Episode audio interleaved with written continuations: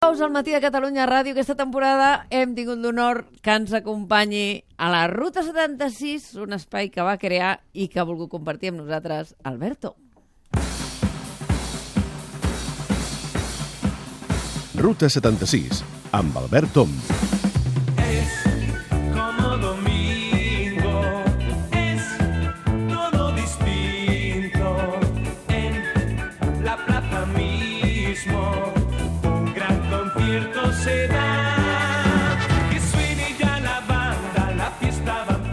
Dia, Albert. Bon dia, Mònica. Com estàs? Molt bé, molt Està bé. molt bé que avui hagis decidit posar músiques de verbena per ballar i... Sí, no? Està molt bé. està Home, avui és dia de rebella. No podia ser. Avui no podies haver triat millor tema, saps què vull dir?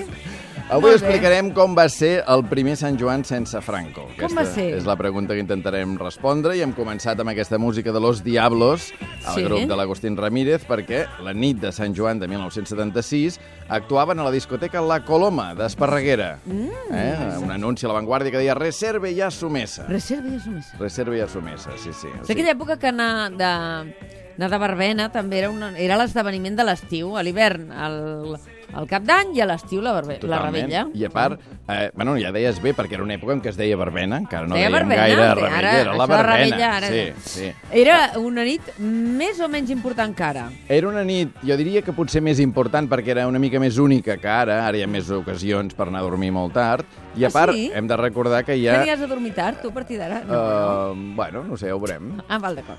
Hi havia tres verbenes importants. Hi Quines? havia Sant Joan, Sant Pere, la de Sant- nit del 28 al 29 de juny, i també la de Sant Jaume, Sant Jaume. al juliol. Eren tres El meu, verbenes. el meu pare es diu Jaume i li sap molt greu perquè diu que ja ha perdut. S'ha perdut, s'ha perdut, sí senyor, s'ha perdut. Bé, avui repassarem alguns dels grups que actuaven i algunes de les coses que es feien aquella nit de Sant Joan. Per exemple, a Sant Just d'Esvern va sonar això. saca el whisky para el personal T'ho juro. Aquest matí la Marta Romagosa m'ha posat això. Dic, bueno, què estàs fent? Diu, home, jo seguint instruccions de l'Alberto. Em dic, ah, d'acord. Doncs vinga, d'acord. endavant. Aquests eren una gent que es deien Desmadre 75. No es podien dir de cap altra El manera, títol va d'altra ser molt banda. apropiat perquè es va crear el 75 i el 76 ja es van separar. Però van tenir... Desmadrats ells. Exacte, però van tenir temps de crear aquesta cançó que va ser un fenomen uh, en aquell estiu, no? Uh Mhm. -huh. eren un trio que formaven part d'una tuna universitària de Madrid i que van convertir aquesta cançó en una de les, de les cançons de l'estiu. Això és Sant Just d'Esvern, a Can Mèlic. A Castelldefels, estrella invitada... Mira-la. Pisa morena, pisa con garbo, que un relicario, que un relicario, ¿qué voy a hacer? Carmen Sevilla. Sí, senyor, la gran Carmen Sevilla i l'Orquestra Miramar, al quilòmetre 16-200 de l'autovia de Castelldefels, al Sant Joan 76, es van inaugurar els Jardines Tutankamon. Jardines. Sí, sí, sí. Tutankamon. Home, devien ser importants que vingués la Carmen Sevilla, no? Home, sí, molt. I que es diguessin Tutankamon vol dir que hi havia algú que no anava a l'hora, també. I a Vallirana, al camp poliesportiu, allà sí que s'ho van passar bé. A veure... alegria tot convivia. La Trinca, la Carmen Sevilla, Exacte. whisky Sí, sí. Chelly pel personal, Tot, tot, els tot, tot, desmembrats, tot perfecte. Eren els anys d'esplendor de la Trinca que feien temporades al Teatre Barcelona, visitaven embalats poliesportius a tots els pobles de Catalunya i competint amb la Trinca, amb la conya marinera, un home molt estimat en aquesta casa i a tot arreu que aquella nit li va tocar deixar a Vilanova i la Geltrú. Quan el marit se'n va al seu treball diari, jo que estic a la guai i m'alicia l'horari, atravesso el carrer com màquina de tren i foradant la porta entro al pis dient Quieta, quieta! Antònia, no perdem temps, anem al gra. Tu ja m'entens que no fos cas que se li ocorregués tornar. Sap greu, eh, interrompre el Pere Tàpies? Sí, sap com greu. Sap greu, Se li ha... De pressa Eh? sembla que ho fa expressament, com si esperés que un dia...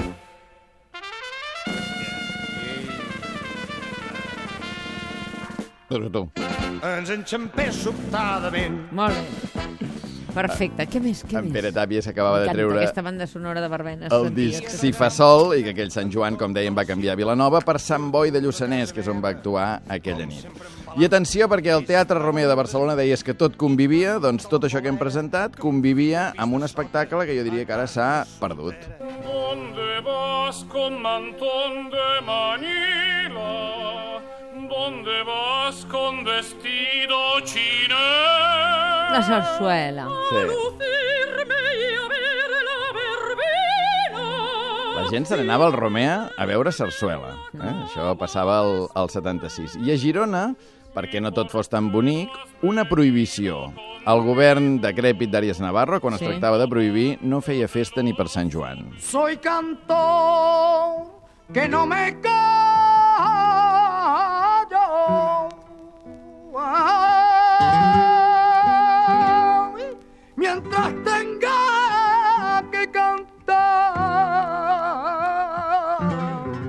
És la veu del Manuel Gerena, un Sí. andalús molt combatiu, cantant de flamenc, que havia d'actuar a la rebella popular del barri de Sant Narcís, a Girona. El govern civil ho va prohibir, segons explicava el diari Avui, un jove Rafael Nadal, que llavors tenia 21 anys quan feia aquesta crònica. Ah, sí. Gerena, que era entre el públic, explica, Rafa Nadal va pujar a l'escenari eh, sense poder cantar, però el que va cantar va ser la gent, que van començar a corejar llibertat, llibertat, mentre el Gerena estava de l'escenari sense cantar. Bonic. Sí, sí, això passava al 76. I ara sí que et porto l'espectacle més sorprenent i que jo estic segur que molta gent, sobretot la més jove, no n'haurà sentit a parlar mai.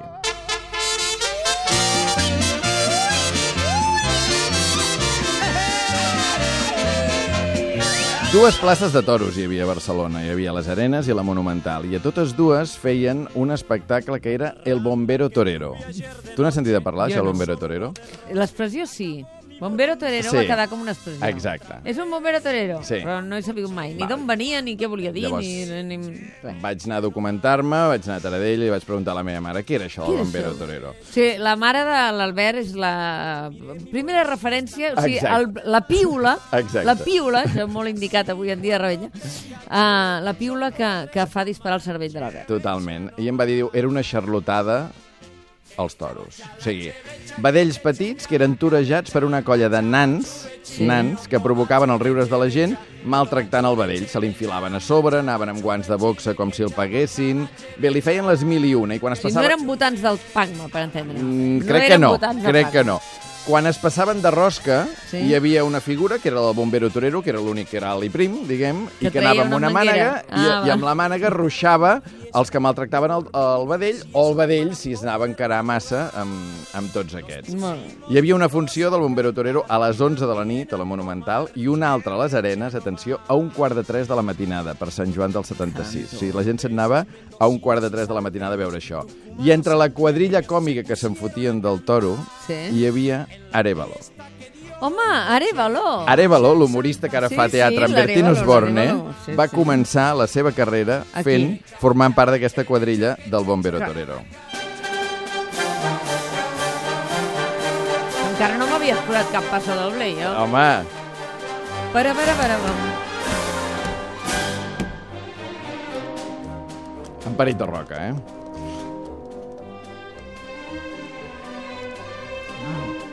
Això era per la, la nit de la rebella, el que t'explicava el bombero torero, però és que l'endemà, a tres quarts de set de la tarda, hi havia toros a la Monumental. Uns toros, deia l'anunci, sensacional acontecimiento. Las mujeres toreras.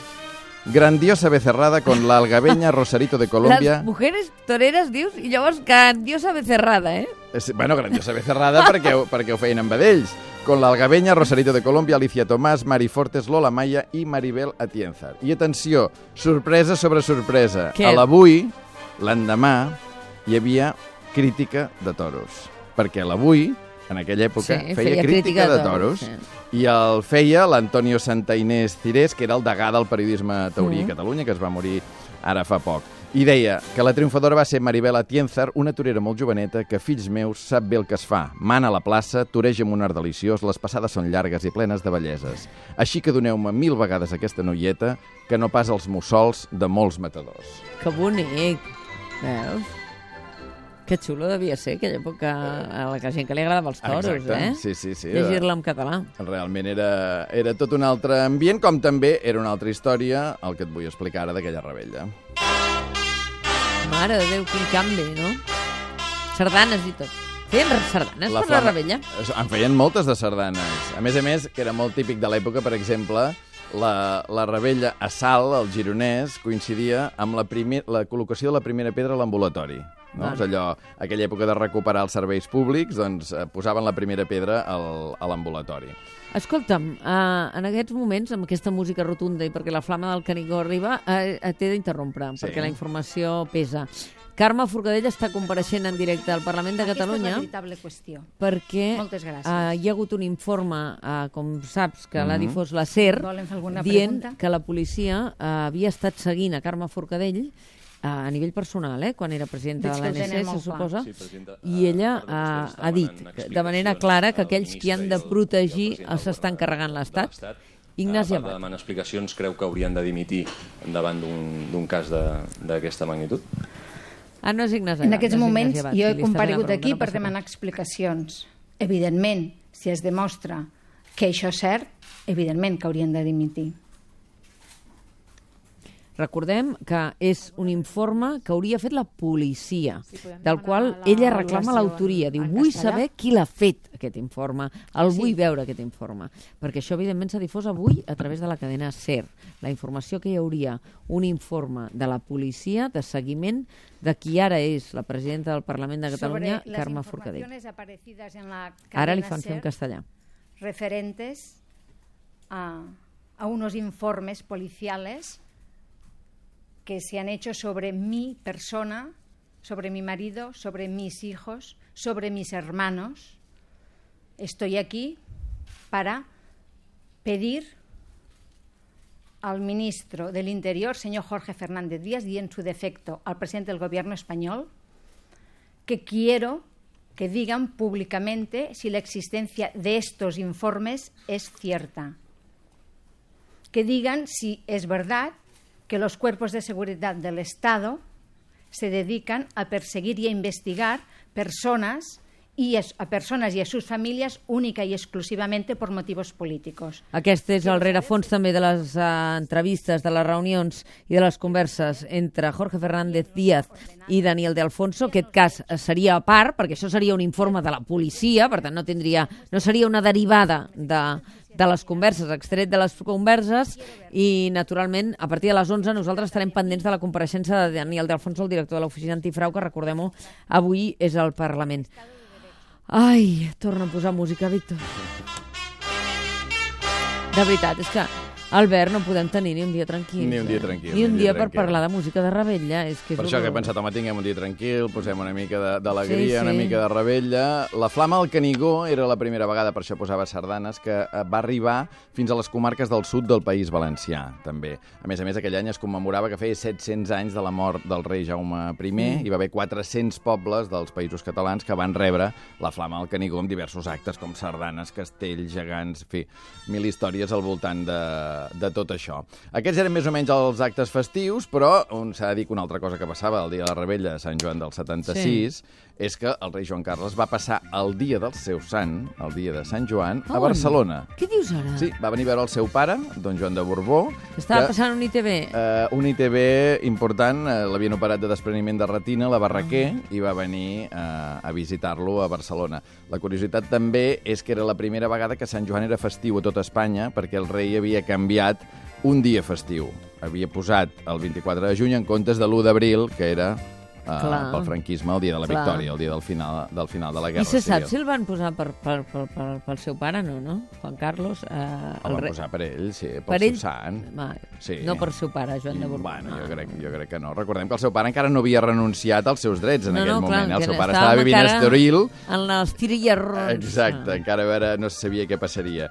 I a Eivissa, per si algú se'n va a Eivissa aquest cap de setmana, re, eh, només dir-vos que el 76 a Ses Salines, 50 nudistes van ser multats per la Guàrdia Civil eh, per anar amb pilotes. 8.000 peles a cada un. 8.000 peles a cada 8.000 un? peles del Això és molta 76 pasta. és molta pasta, eh, Sí, per anar sí. amb pilotes. Sí, sí. Trobo caríssim.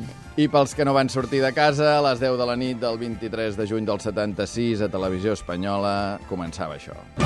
Por favor, véanlo. Es el show de típico, es el show de típico, es el show de típico.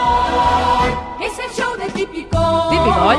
Un clàssic. Típic coll, un dels grans, les grans parelles d'humoristes de l'època. Doncs escolta, fantàsticament, no? Exacte. I tu, la Barbena, estigues molt atent perquè després a les 11 vindrà la Marta Romosa i em posarà els imprescindibles d'aquesta nit. Tu ja Perfecte. tens la banda sonora d'aquesta nit? Uh, sí, però m'enganxarà fora d'aquí. Jo ara agafo el cotxe i me'n vaig. O sigui que t'escoltaré mentre Fas- vagi amb el cotxe. Bé, no te'n vagis mai molt lluny, No, Albert Tom. Moltes gràcies. fins dijous. Fins dijous.